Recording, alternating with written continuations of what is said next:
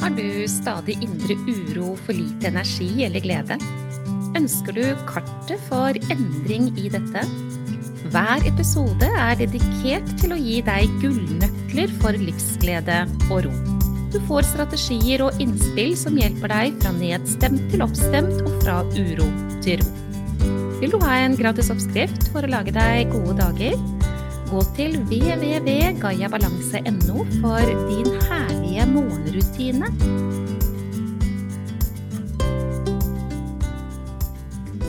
Denne episoden skal handle om det å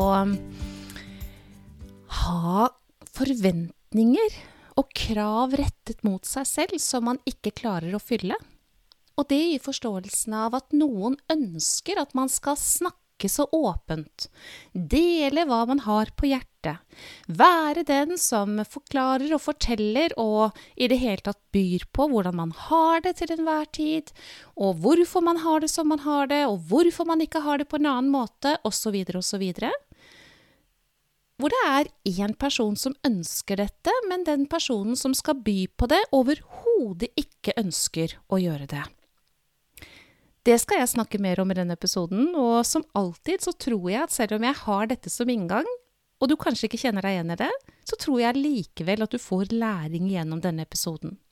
Så bli med meg, jeg vil dele med deg en helt konkret situasjon.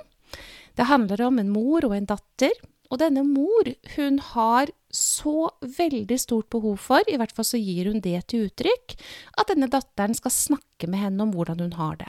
Hun skal fortelle henne hva som er vanskelig, hun skal fortelle henne hvordan hun har det til enhver tid. Hun spør og hun spør og hun spør, og hun gir også uttrykk for at hun er skuffet og lei seg over at datter ikke vil dele. I tillegg til det så vet mor at datter ikke har det så helt enkelt. Mor vet at datter sliter med både slik og sånn, og har gjort det en stund og får hjelp men hun syns vel kanskje ikke at datter kommer så langt i endringsprosessen sin som mor skulle ønske at datter gjør. Antageligvis handler det nok mest om at mor ønsker kontroll, at hun ønsker å få innsikt, og at hun egentlig føler seg forbigått. Og så er det nok en innfallsvinkel til, og det er at mor har alltid drømt om at mor skal ha et nært forhold med sin datter, dette typiske fantastiske mor-datter-forholdet. Men eh, du vet det at hvis mor ikke har lagt til rette for det under oppveksten til barnet, er det da rimelig å forvente seg at det skal bli sånn når barna har blitt voksen? Det her må vi snakke mer om. Jeg har mine tanker rundt dette.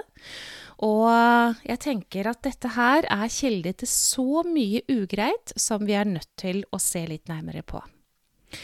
Nå sa jeg til deg at uh, det jeg konkret tenker på, er en mamma som uh, forteller til datteren sin hva det er hun ønsker, og hvor skuffet hun er over at ikke de kan snakke sammen, at datter ikke kommer til henne.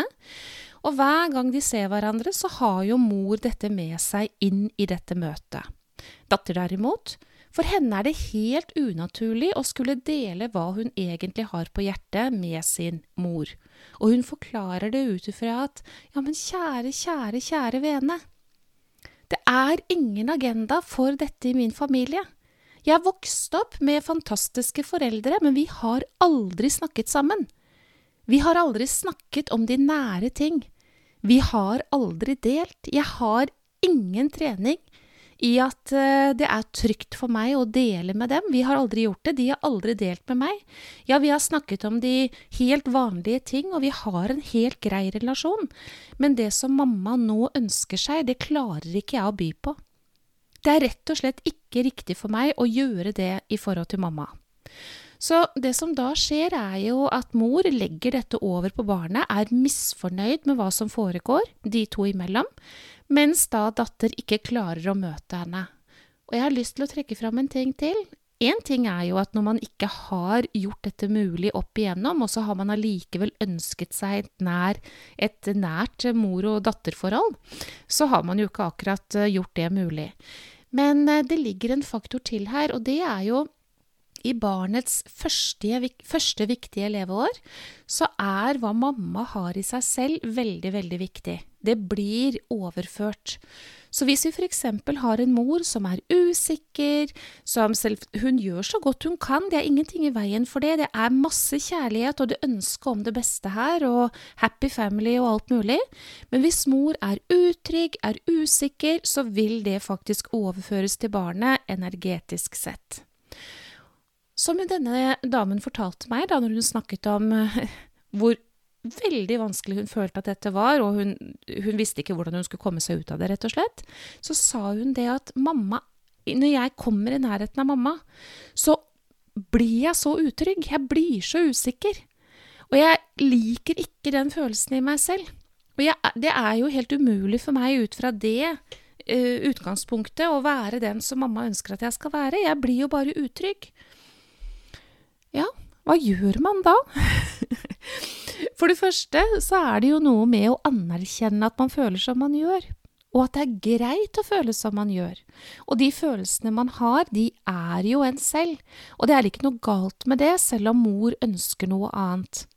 Og så er det jo å stille seg selv spørsmålet hva er det som skulle til da, for at jeg skulle føle at det var greit å dele det med mor som hun ønsker at jeg skal gjøre? Og hvis svaret på det er at da måtte relasjonen mellom de to allerede ha vært annerledes, ja, så sier det seg jo selv at det kan bli ytterst utfordrende å få dette til. Det mor glemmer her, det er at hun bærer hovedansvaret for situasjonen.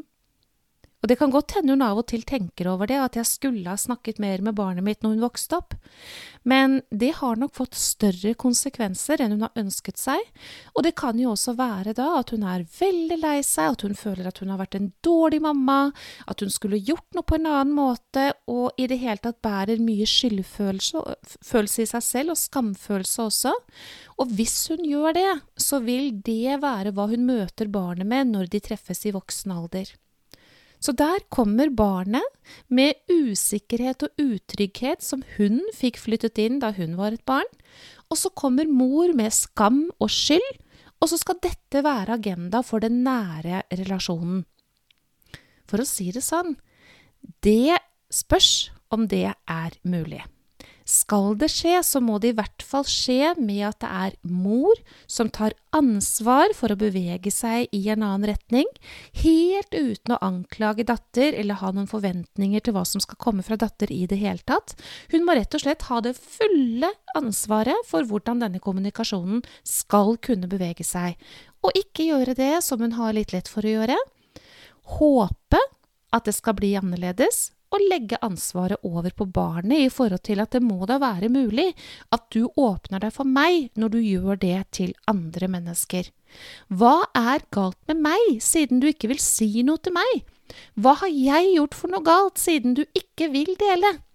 Det vil jo si at mor er et offer istedenfor å være den som tar ansvaret.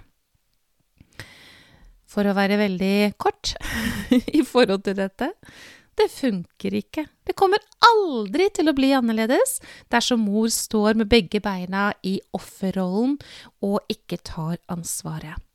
Og datter, hun har ikke noe ansvar. Datter føler som hun gjør, og hun har ikke et ansvar for å tilfredsstille mor i forhold til å dele, og det er også en helt umulig situasjon for henne å gjøre, så lenge hun føler som hun gjør, og at dette overhodet ikke er naturlig for henne. Hvis datter, hvis datter, skulle kunne gjøre det, så måtte mor ha begynt å nærme seg datteren sin med lederansvar istedenfor offerrolle. Og hvis det ikke skjer, nei, så blir det heller ingen endring. Og hva gjør man da? Nå var det jo datter jeg snakket med i forhold til det jeg tar opp akkurat nå, og hun ble veldig, veldig sikker på at eh, ansvaret ligger hos mor, og at hun er nødt til å forholde seg til det som at dette her er helt ok, at hun har lov til å ikke ville dele, at hun har lov til å føle som hun gjør, og at det må få lov til å være ok, og at hun lar mamma få lov til å eie sine egne følelser. Og som hun sa det, hvis mamma begynner å nærme seg meg på en annen måte, hvis hun ikke er den som har offeret, altså den som sier 'å, stakkars meg, det er så forferdelig når du ikke vil dele', hva har jeg gjort for noe galt, da? Hvordan skal jeg kunne gjøre dette annerledes? Hvis mor ikke er det offeret, så skal jeg være villig til å møte henne. Men sånn som det er nå, jeg er meg, mor er seg, jeg puster i møte med min egen uro, og så får det bli som det blir, og det mamma føler i seg, ja, det har hun det fulle ansvaret for. Den eh, damen jeg snakker om akkurat nå, hun gjør bruk av din herlige morgenrutine, som er en gave jeg gir gratis til deg som lytter til min podkast. Den får du på www.gayabalanse.no, og jeg vil på det varmeste anbefale alle mennesker om å si ja takk og ta imot, og gjøre bruk av det som er i din herlige morgenrutine. Og det ville vært fantastisk for mor i forhold til det jeg har snakket om nå, om hun også gjorde det samme. Fordi dette har med selvfølelse å gjøre, dette har med å ta ansvar for hvordan man skal ha det i eget liv, og det er én av flere nødvendige nøkler. Men én nøkkel er da tross alt bedre enn ingen nøkler. Så kom deg inn på www.gayabalanse.no hvis ikke du har tatt imot din herlige morgenrutine. Og så håper jeg at denne episoden her kunne gi deg kilde til refleksjon. Hvem eier ansvaret? Hvor kommer det fra? Hvordan forholde seg til det? Er helt nødvendige nøkler hvis man skal ha mest mulig livsglede og være minst mulig preget av stress.